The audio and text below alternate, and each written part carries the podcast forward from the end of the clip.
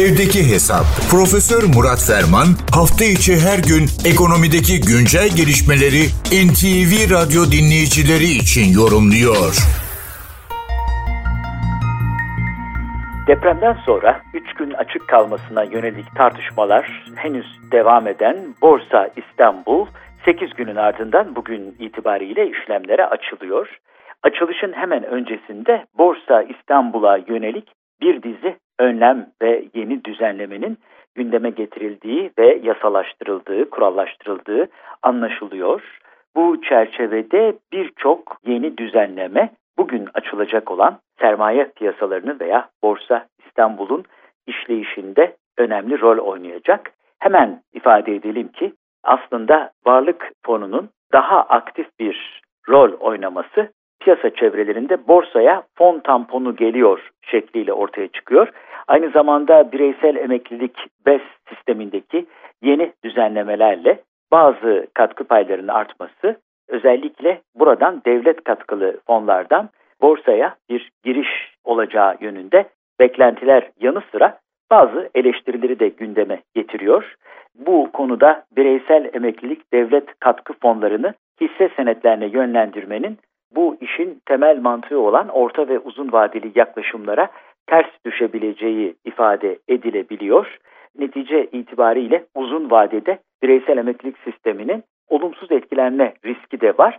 Bu örneği özellikle ön plana çıkarttık çünkü esasen yapılan tüm bu düzenlemeler, alınan tüm bu tedbirler palyatif, geçici mahiyet taşıyor.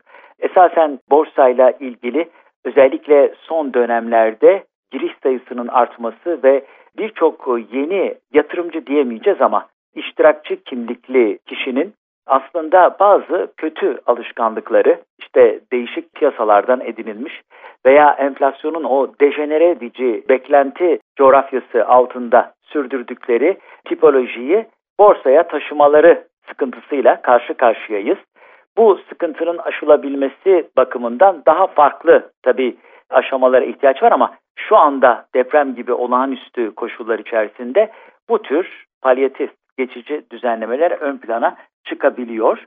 Bu çerçevede getirilen düzenlemeleri 8 veya 9 başlık altında ele almak veya tasnif etmek mümkün. Ama temel olarak bir taraftan risk iştahına gem vurmaya ve belirli bir istikrar getirmeye çalışılırken öte taraftan da havuzu zenginleştirici ve yukarı yönlü nakit girişini arttırıcı bir takım duruşların, vaziyet edişlerin ön plana çıktığı görülüyor.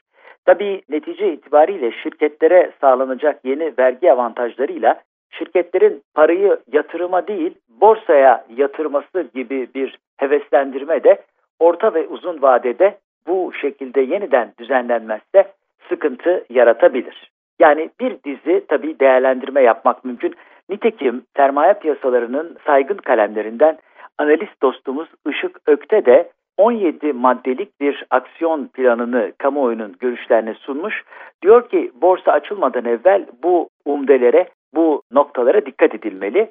Sevgili Işık'ın ilk söylediği unsurlardan bir tanesi de sene sonuna kadar planlanan 97 halka arzın yıl sonuna ertelenmesi bir parça bu olağanüstü dönemler ortadan kalktıktan sonra bu işe vaziyet edilmesi.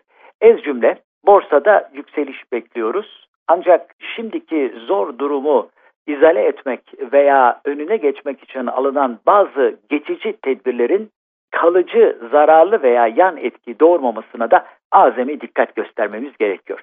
Çünkü ekonomi netice itibariyle kısa dönemli beklenti ve ihtiyaçlarla orta ve uzun vadeli selametin sürdürülebilirlik paydasında eşitlenmesinden, dengelenmesinden ibarettir. Bu genel değerlendirme ve bilgi paylaşımı çerçevesinde değerli dinleyenlerimize katma değeri yüksek ve yüksek katma değerli bir gün diliyor. Huzurlarınızdan hürmetlerle ayrılıyorum. Profesör Murat Ferman'la evdeki hesap sona erdi. Kaçırdığınız bölümleri www.ntvradio.com.tr adresinden dinleyebilirsiniz.